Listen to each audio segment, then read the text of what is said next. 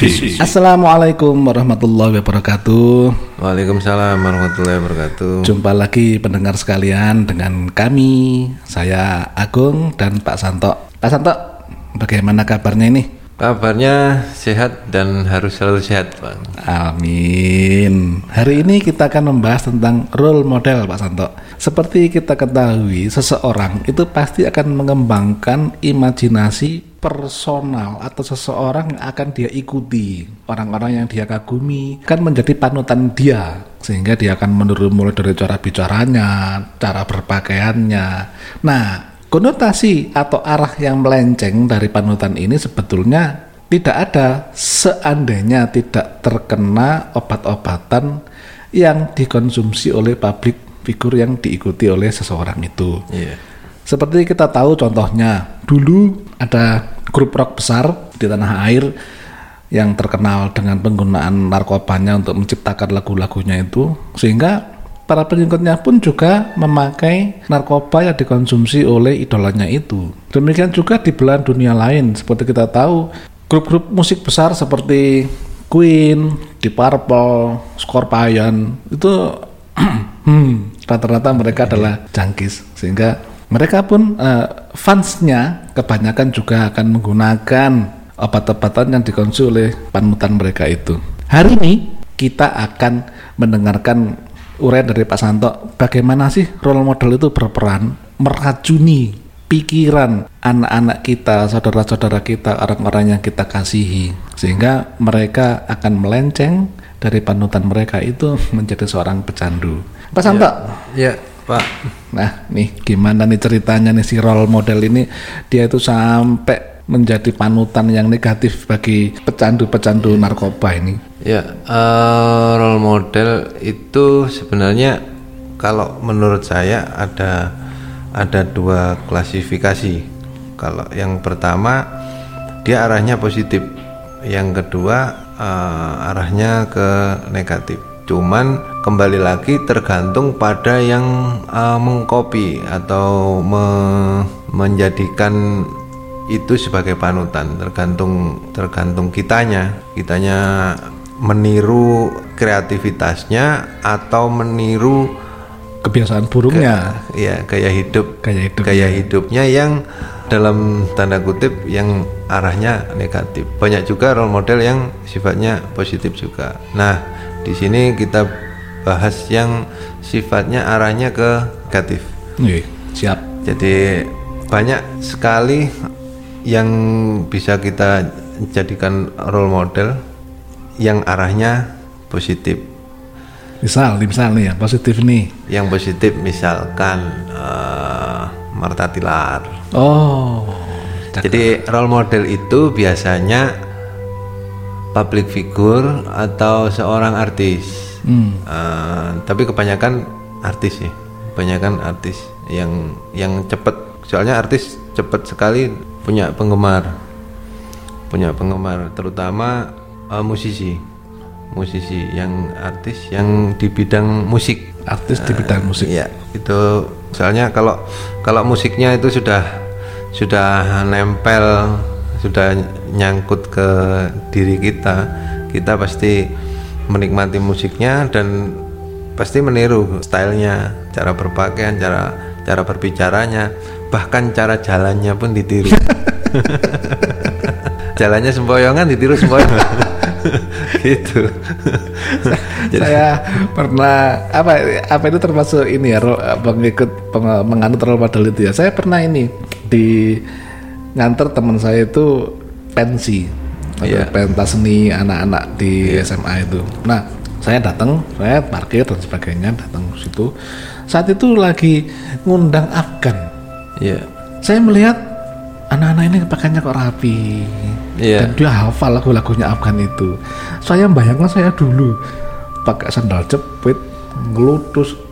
Karena saya band band yang saya ikuti beda dengan ini dengan si Iya. Afgan ini. Apa itu ya yang disebut dengan penganut ini Iya, eh, menganut itu sama dengan copy paste. Jadi mengcopy diaplikasikan ke diri kita gitu. disalin ditempel iya ya. salin tempel diri kita gitu jadi uh, sebisa mungkin 100% nempel uh, semuanya gitu ke diri kita nah untuk untuk arah-arah yang negatif itu biasanya biasanya kalau di sini kita bicara tentang nafsa ya misalkan si artis atau public figure itu menggunakan zat adiktif kemungkinan besar si penganut atau yang mengidolakan atau yang menjadikan si artis itu role model Fansnya juga lah. ya fansnya itu juga mengikuti mengikuti mengkonsumsi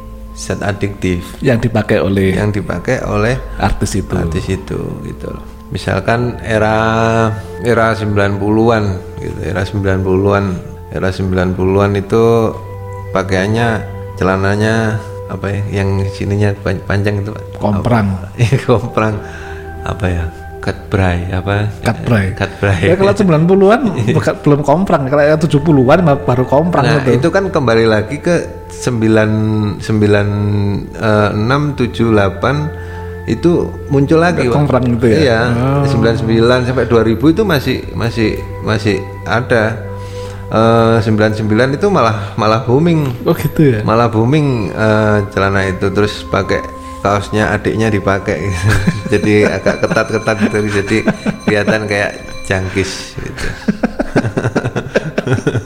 Memang lagi tahun-tahun itu lagi booming heroin sih, heroin atau putau. Jadi yang diikuti siapa pasti pendengar pasti tahu lah yang diikuti di era si- situ. Jadi saya nggak nggak menyebut merek. pasti pasti tahu lah siapa yang diikuti. Kalau misalkan kita bicara musik kita eh, pasti tahu gitu. Nah untuk era sekarang, era sekarang kalau untuk eh, anak usia 17 sampai 25 itu agak susah, agak susah untuk mendeteksi role modelnya rapi-rapi kan Pak kalau sekarang. iya ha. Kalau sekarang kan rapi-rapi. Terus ada beberapa grup musik yang kalau manggung belak-belakan dia mengkonsumsi alkohol gitu. Dan itu pasti ditiru. Pasti ditiru gitu loh. Kalau sekarang agak agak susah, agak susah untuk untuk mendeteksi eh, ini role model role model yang di yang yang dicontoh misalkan anak kita atau eh, saudara kita atau orang yang kita sayangi itu eh, arahnya positif atau negatif itu agak susah.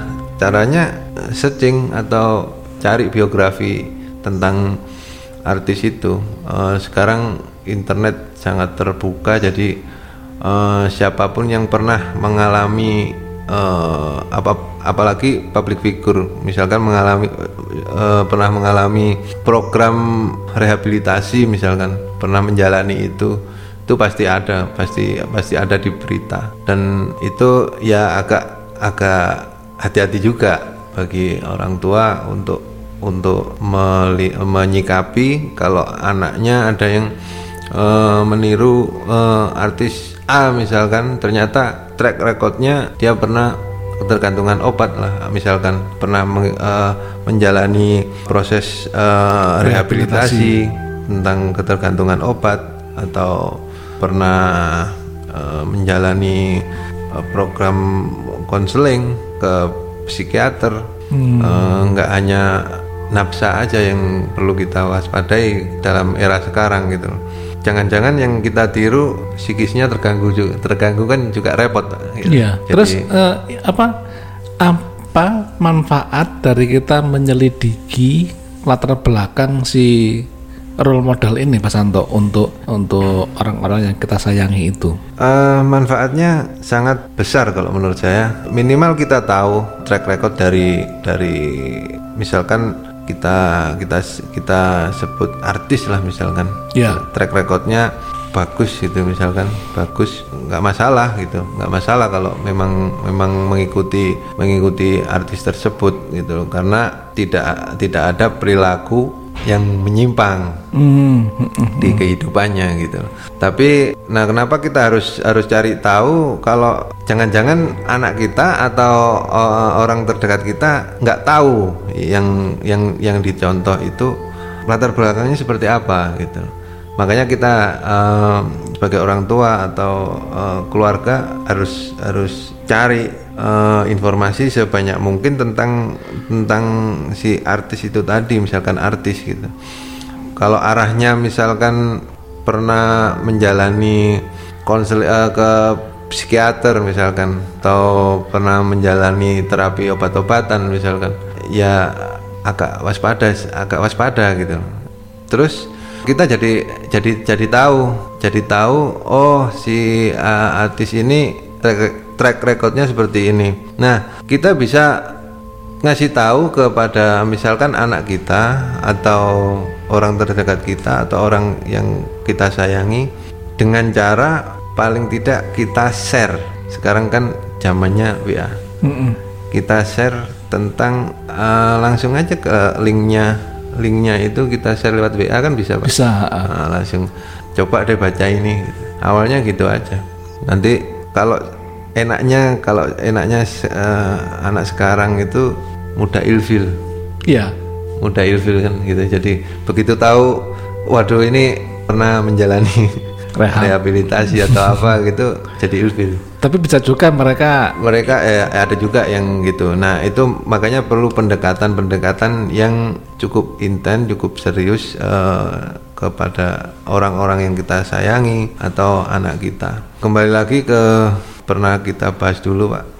Keterbukaan itu sangat penting. Anak-anak harus kita paksa untuk terbuka sama sama orang tua.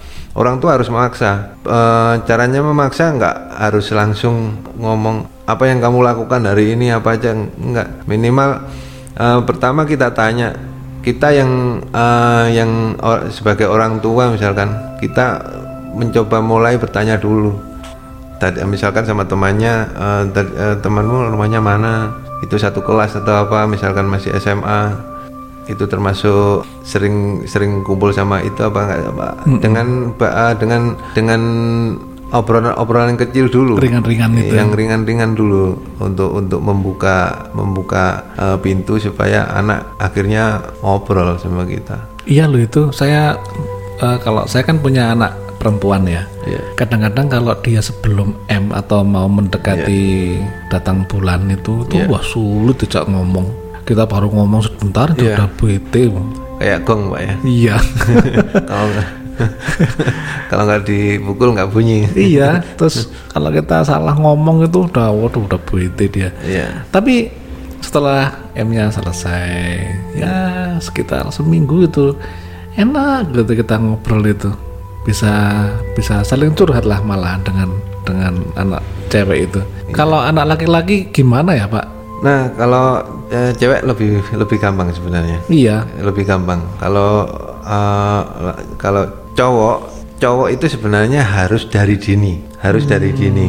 Kalau anak saya dari SD setelah dia tahu yang namanya YouTube, setelah dia melihat YouTube itu tiap hari pasti 10 menit atau minimal 5 menit saya kasih tahu tentang efek penggunaan nafsa. Hmm.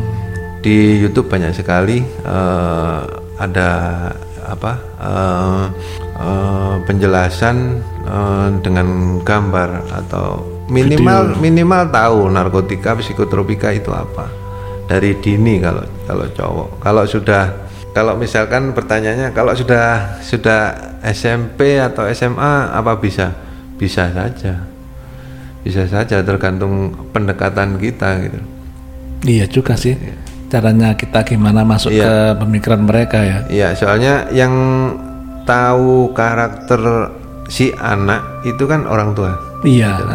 jadi tahu celahnya kapan kita masuk kapan kita stop kapan kita harus ngajak ngajak diskusi atau ngajak ber tukar pikiran. iya bertukar pikiran atau curhat atau macam-macam gitu. Saya punya loh teman itu caranya saya cukup unik juga. Dia tergolong orang yang sibuk sehingga jarang pulang. Akhir-akhir ini dia cerita ya sekitar satu tahun yang lalu itu dia bercerita bagaimana dia jauh dengan keluarganya. Nah kemudian dia minta pindah ke Malang kemudian dia anu uh, setiap Sabtu dan Minggu camping.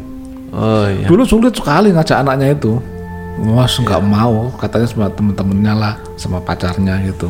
Pelan-pelan diajak main, pelan-pelan mau. Akhirnya ya itu kita mancing dulu, camping dulu. Oh iya. Jadi apa? eh, akhirnya jadi terbuka pak ya? Akhirnya lambat laun cer- bercerita dia. Pasti ada masalah, entah itu masalah di sekolah, entah itu masalah di ini di eh iya dia tuh bercerita tentang role modelnya. Dia tuh bercerita gini, dia kan anaknya kan kurus pak, kurus kecil sehingga dia tuh gampang dibully. Nah anehnya si anak ini memiliki semacam kekaguman pada si pembulinya itu. Hmm gitu ya. Kalau seperti itu gimana? Kasus yang unik juga ini, Pak. Itu Iya, role unik model itu. yang ditiru si si anak ini karena kelemahan itu mungkin ya. Iya, jadi dia dia dia meniru eh, istilahnya bukan bukan bu, kalau saya sih mikirnya bukan meniru. Dia berkeinginan bisa kuat seperti itu mungkin. Oh gitu ya. Seperti kopas tadi ya, dia Iya, mengko- eh, mengkopi eh, eh, iya. membulinya ini ke dirinya. Iya, eh, pengennya kuat bisa membuli orang. Itu, itu arahnya bisa bisa ke ke maaf tanda kutip negatif juga. Nanti kalau dia kuat beneran bisa bully, Bully orang juga bully gitu orang ya. juga. Ya ditakutin itu kalau yang si temennya ini kemudian ngajak main ya, Iya.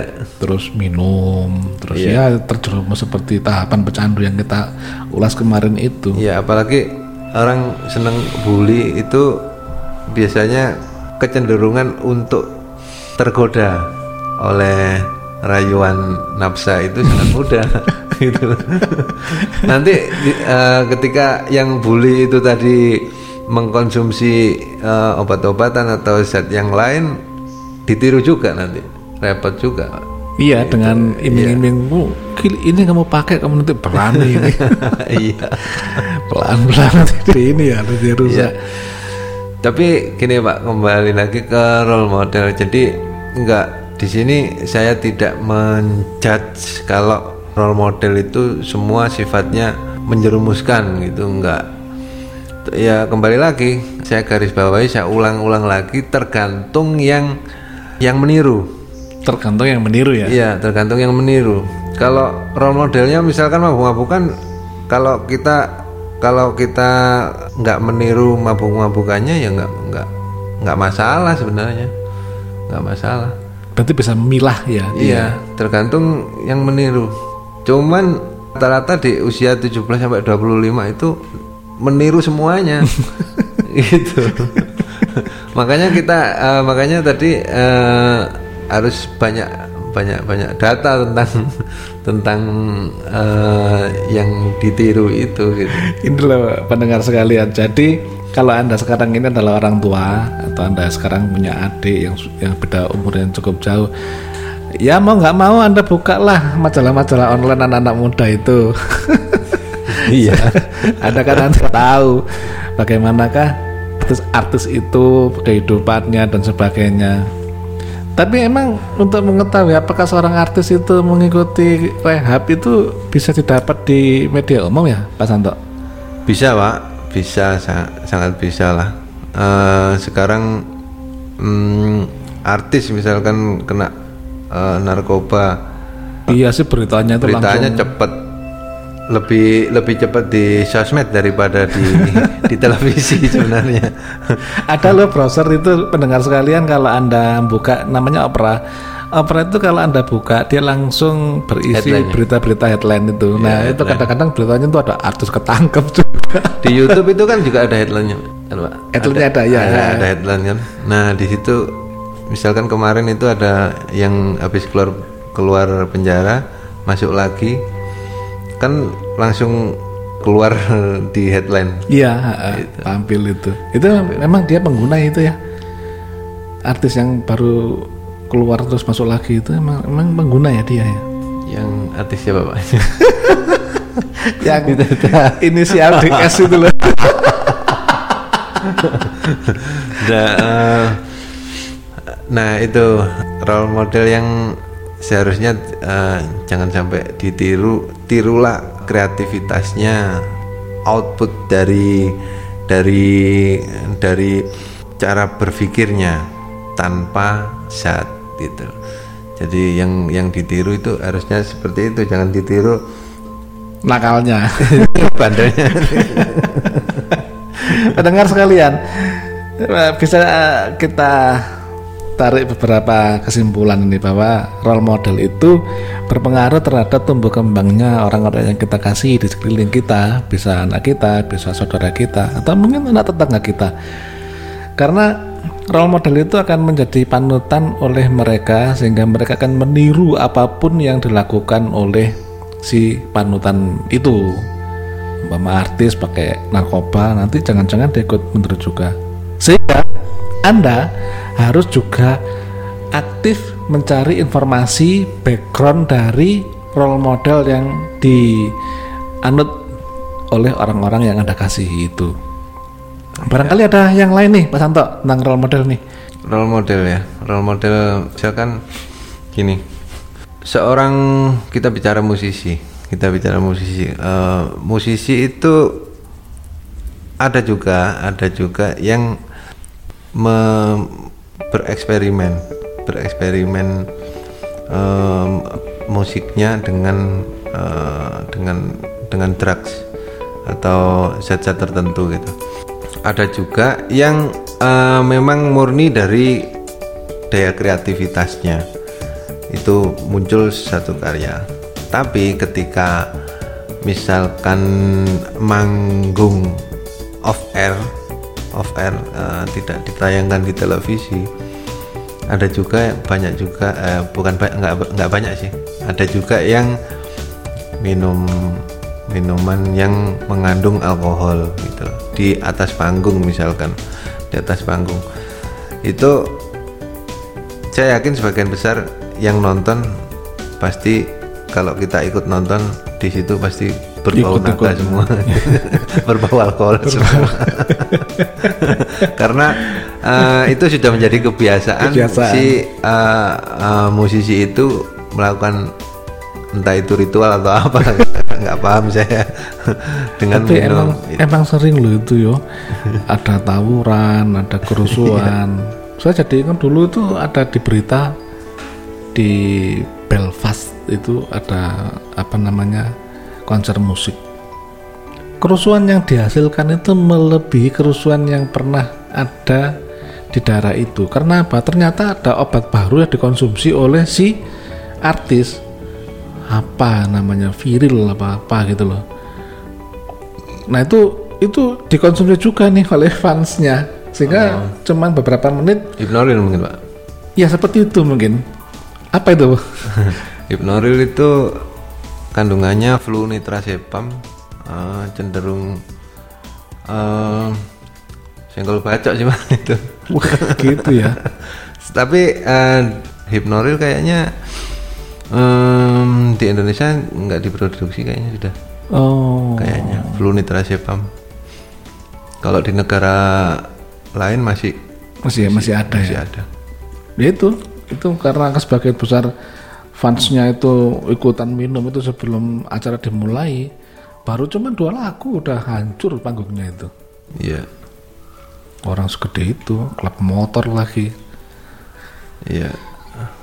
Ya, pendengar sekalian, kita akhiri perjumpaan kita dengan kesimpulan bahwa Anda sebagai orang tua, Anda sebagai orang-orang yang menyayangi orang di sekeliling Anda, Anda harus aware. Minimal Anda tahu bagaimanakah peran role model dalam menjerumuskan anak-anak atau orang-orang yang Anda sayangi. Sehingga Anda harus aktif untuk mengetahui bagaimanakah latar belakang role model itu. Demikian yang bisa kami sampaikan akan kita lanjutkan di kesempatan lain. Terima kasih Pak. Santo Iya, sama-sama Pak Agung. atas waktunya ini. Wassalamualaikum warahmatullahi wabarakatuh. Waalaikumsalam warahmatullahi wabarakatuh.